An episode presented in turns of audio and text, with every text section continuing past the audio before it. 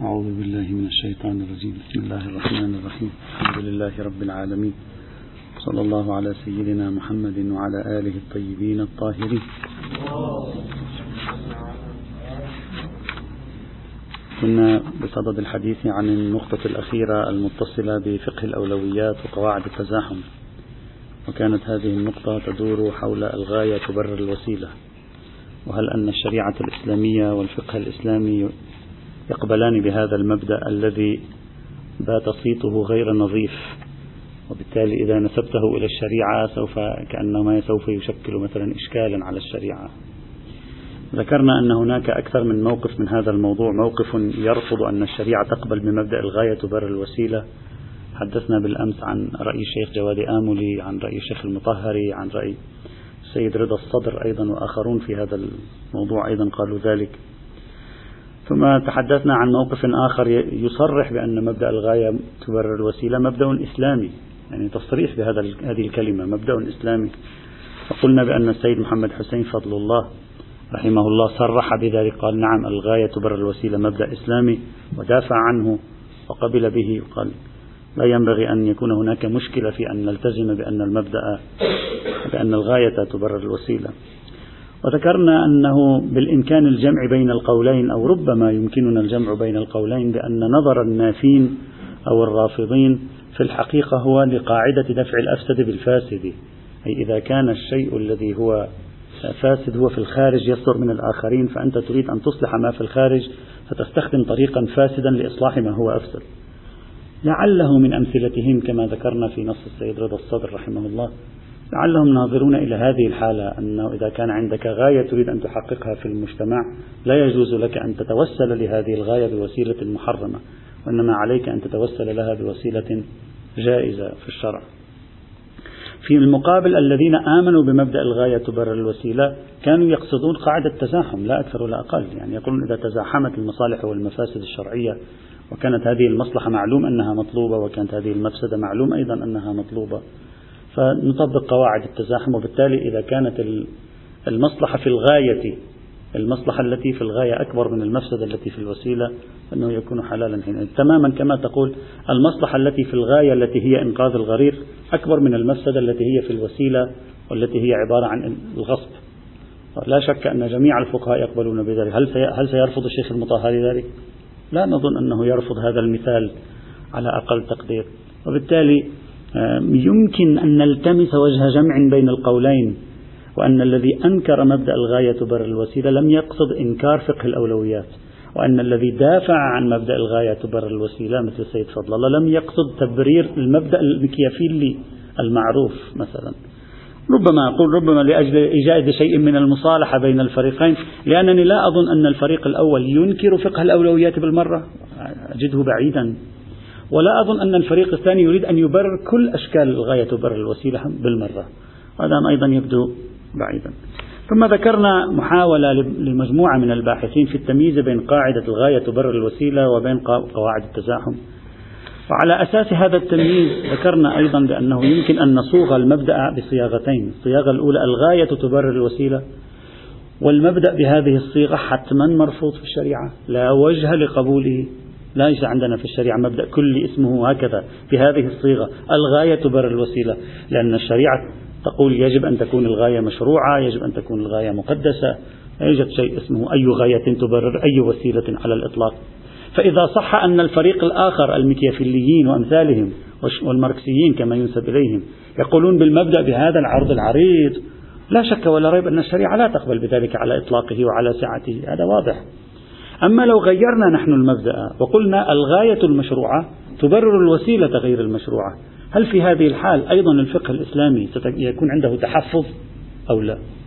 قلنا مبدئيا الفقه الإسلامي ليس عنده تحفظ ولكن ضمن أربعة يعني نقاط أو قيود أو حدود ما شئت فعبر الحد الأول تحديد العلاقة بين الغايات والوسيلة وتحديد العلاقة بين الغايات والوسيلة يكون عبر أمرين كما ذكرنا بالأمس. أن تكون الوسيلة أن تكون الغاية. تنحصر وسيلتها بهذه الوسيلة المحرمة. هذا أولا. وثانيا أن تكون الغاية في أهميتها ومطلوبيتها عند الشارع. أكبر من رفض الشارع للوسيلة. هذا هذا أولا. أي تحديد العلاقة بين الغاية والمقدمة. من حيث الانحصار تارة ومن حيث الأهمية تارة أخرى.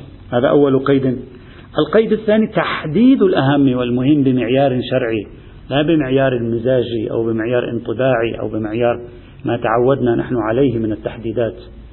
سوف نتكلم إن شاء الله تعالى في المحور القادم الذي سنبدأ به يوم السبت. سنتكلم عندما أقول الحاكم الشرعي المعيار الذي يشتغل عليه هو المصلحة. ما معنى المصلحة؟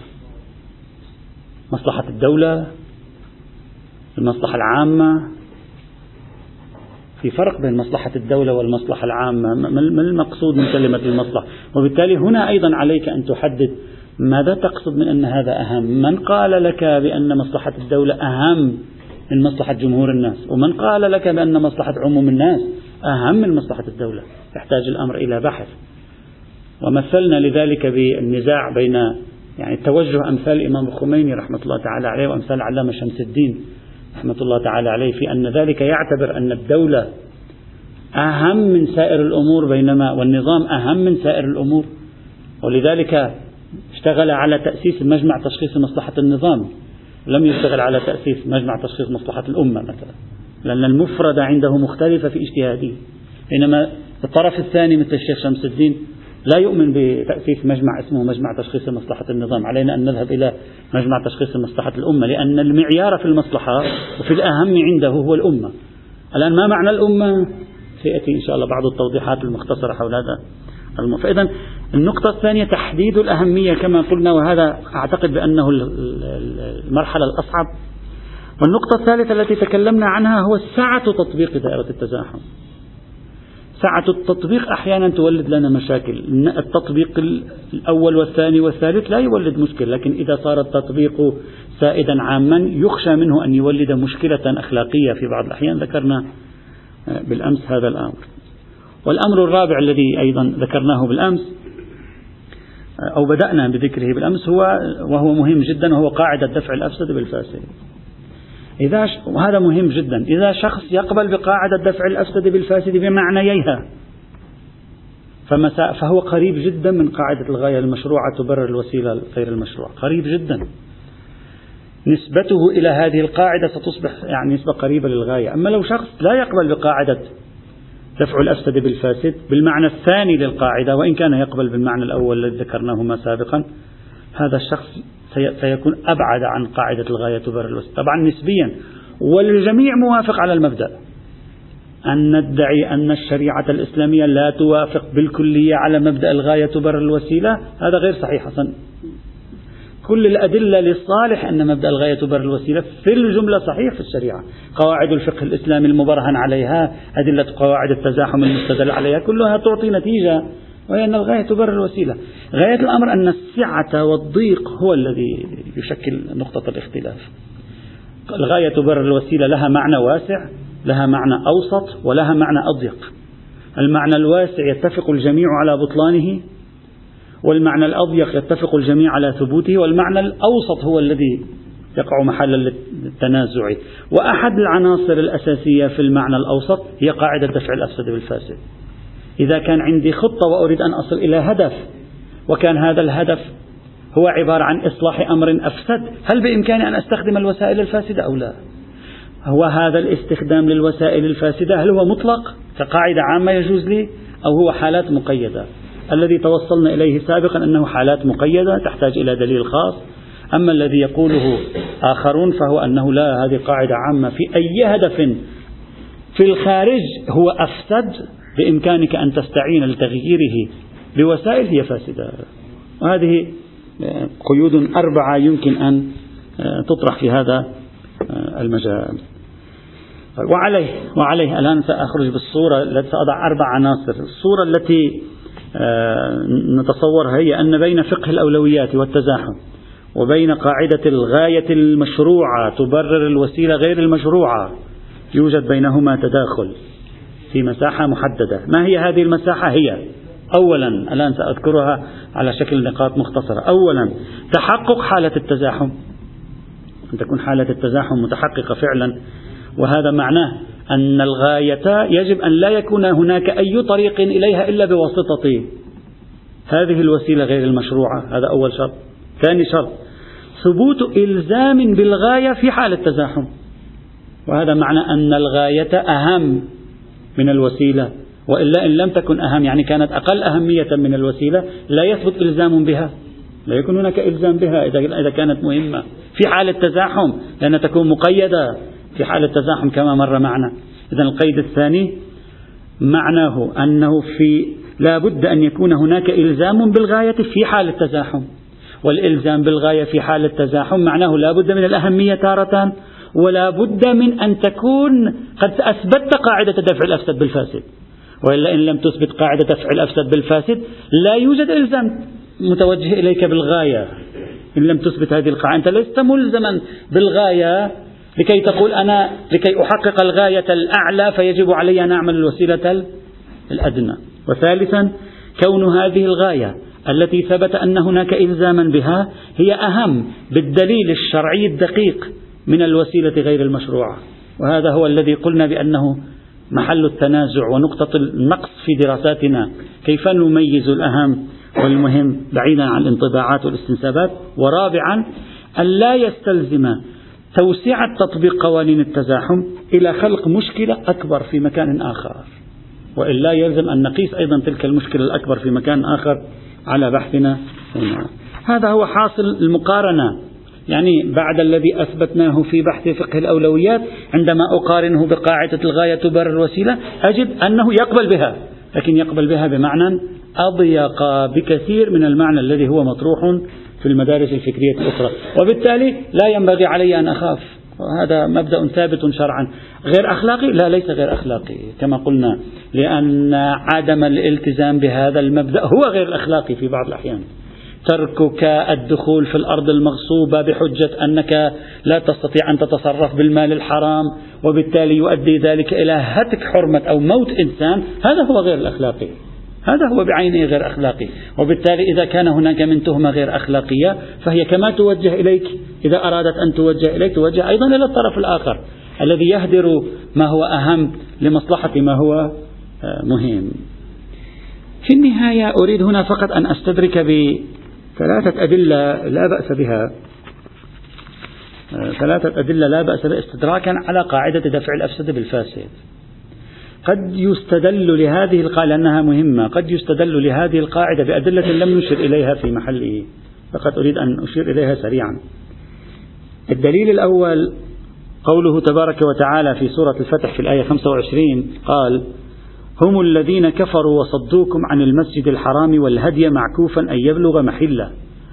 ولولا رجال مؤمنون ونساء مؤمنات لم تعلموهم أن تطؤوهم فتصيبكم منهم معرة بغير علم. إلى آخر الآية. تحدثنا عن هذه الآية سابقا في قاعدة درء المفسدة أولى من جلب المصلحة. الآن تقريب الاستدلال بهذه الآية لإثبات قاعدة دفع الأفسد بالفاسد وهو قالوا الصلح فاسد. ولكن قتل المؤمنين الغير المعروفين في مكة أفسد. فندفع الأفسد بالفاسد. وبالتالي استدلوا على قاعدة دفع الأفسد بالفاسد بهذه الآية القرآنية الكريمة. بغض النظر عن أن هذه الآية القرآنية الكريمة هل لها علاقة بالمعنى الثاني لقاعدة دفع الأفسد بالفاسد أو المعنى الأول؟ أصلا لا تدل على شيء. من قال لك أن الصلح فاسد؟ كيف عرفت أنه فاسد؟ قد يكون صالحا لكن مستوى صلاح الصلح في الحديبية أقل من مستوى صلاح الجهاد. أو يكون الصلح أهم من مستوى صلاح الجهاد. يعني أنت لا تقول لي يوجد أفسد وفاسد. الأفسد هو عبارة عن قتل المؤمنين والمؤمنات في مكة والفاسد هو إيقاع الصلح. من قال لك أن إيقاع الصلح فاسد؟ ليس بفاسد. ذاك فاسد وهذا صالح. ونسبة هذا الصلاح إلى حجم ذلك الفساد أقل. فلا ينطبق بالدقة الاستدلال بهذه الآية لصالح, لصالح قاعدة دفع الأفسد بالفاسد. أنت لم تدفع ما هو أفسد بشيء فاسد. أنت دفعت ما هو أفسد بشيء صالح. أنت دفعت ما هو أفسد بأمر صالح وهو المصالحة. من قال لك أنها فاسد أنت كيف عرفت أنها فاسد لا لا نتكلم عن دفع الأفسد بالفاسد لا عن الأهم والمهم هذه الآية استدل بها القائلون بقاعدة دفع الأفسد بالفاسد لكي يقولوا بأننا ببركة هذه الآية القرآنية الكريمة نستطيع أن نطبق قاعدة دفع الأفسد بالفاسد. النبي كان بإمكانه أن يجاهد فيدخل مكة عنوة في عام الحديبية ولكنه ترك هذا الأمر والتزم بما هو فاسد الذي هو الصلح دفعا لما هو أفسد وهو المؤمنين والمؤمنات غير المعروفين الذين في مكة. من قال لك أن الصلح فاسد؟ لا عليك على هذه الحال كل مهم هو فاسد بمقارنة الأهم. كل مهم هو فاسد بمقارنة الأهم. ليس فاسدا. من قال هو فاسد؟ يجب أن نثبت أن هذا الصلح في عام الحديبية كان فسادا. ممكن تقول لي كان صلاحه أقل من صلاح الجهاد. نعم. أما كيف تثبت؟ خاصة من الآية أن الصلح كان فاسدا. يعني بصرف النظر عن موضوع المؤمنين والمؤمنات الذين في مكة كيف أعرف أنه كان فاسدا؟ وقد يكون صالحا. لكن مستوى الصلاح كان أقل من مستوى صلاح دخول مكة عنوتان وإلا على هذه الحال يلزم أن يكون كل آه، واجب مهم إذا قدمنا عليه ما هو أهم فنحن نقدم الصالح على الفاسد. لا ليس بفاسد على الأقل صلاحا. الآية الثانية أيضا قالوا في قصة هود في قصة لوط عليه السلام قال وجاءه قومه يهرعون إليه ومن قبل كانوا يعملون السيئات. قال يا قوم هؤلاء بناتي هن أطهر لكم فاتقوا الله ولا تخزوني في ضيفي أليس منكم رجل رشيد؟ قالوا هذا لوط هنا طبق قاعدة دفع الأفسد بالفاسد. كيف؟ أرادوا أن يرتكبوا فاحشة اللواط؟ قال لهم لا هؤلاء بناتي ارتكبوا فاحشة الزنا. هذا بعضهم قال هكذا. موجود. وبعض علماء الإمامية أيضا استدلوا بهذه الآية. فقال لهم هؤلاء بناتي بالإمكان أن تدفعوا ذلك الأفسد بهذا الفاسد.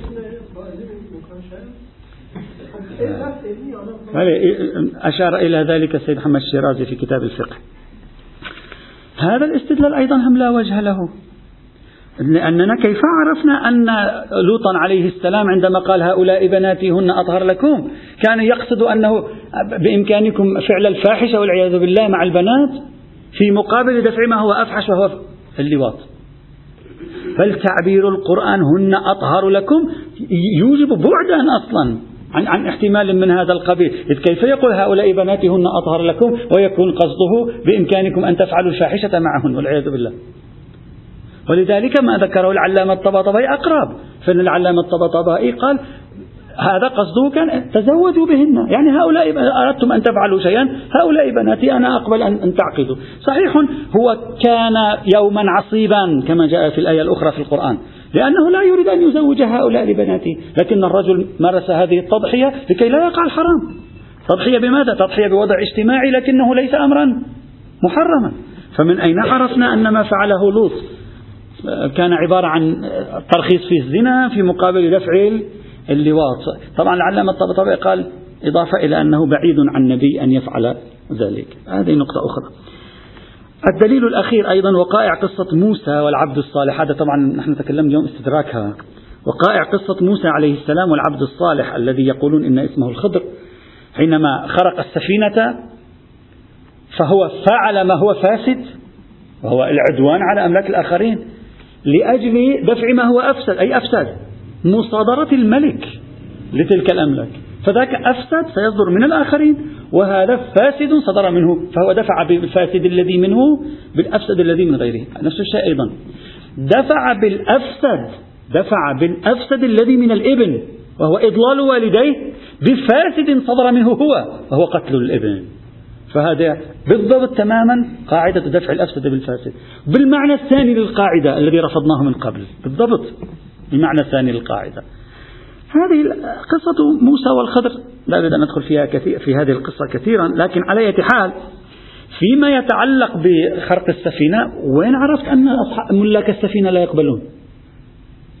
وين في الآية يقول أن ملاك السفينة ما كانوا يقبلون أن تخرق سفينتهم ومن قال لك بأنه ما يعرف ما يعرفهم الخضر وما يعرفونه أو العبد الصالح ما يعرفهم العبد الصالح وما يعرفونه القضية متفق عليها ولكن موسى لم يعرف الحالة فقال له هذا أمر منكر. قال له لا ليس منكرا أنا فعلت شيئا هو في مصلحتي. ليس في الآية أي إشارة إلى أنهم غير راضين بهذا الفعل. كيف عرفت أنهم غير راضين حتى تقول فعل عدوانا على أملاكهم بدون رضاهم؟ ولعله فعل هذا الأمر في أملاكهم مع رضاهم. غاية الأمر أن النكتة التي يريد أن يوصلها العبد الصالح إلى موسى ليست نكتة الدفع الأفسد بالفاسد نكتة أنك لا تحكم قبل أن تعرف سياق القضية. أنت لم تعرف سياق القضية حكمت مباشرة لا سياق القضية أن هناك مضرة كبيرة آتية عليهم وهذه مضرة صغيرة. هذا كل ما في الأمر. أما أن هذه المضرة الصغيرة التي أنا أوقعتها عليهم هم لا يقبلونها أو يقبلونها هل هي عدوان أصلا أخلاقي كان أو لا؟ ليس في الآية إشارة. نعم في توهم موسى هكذا. موسى كان متوهم هكذا.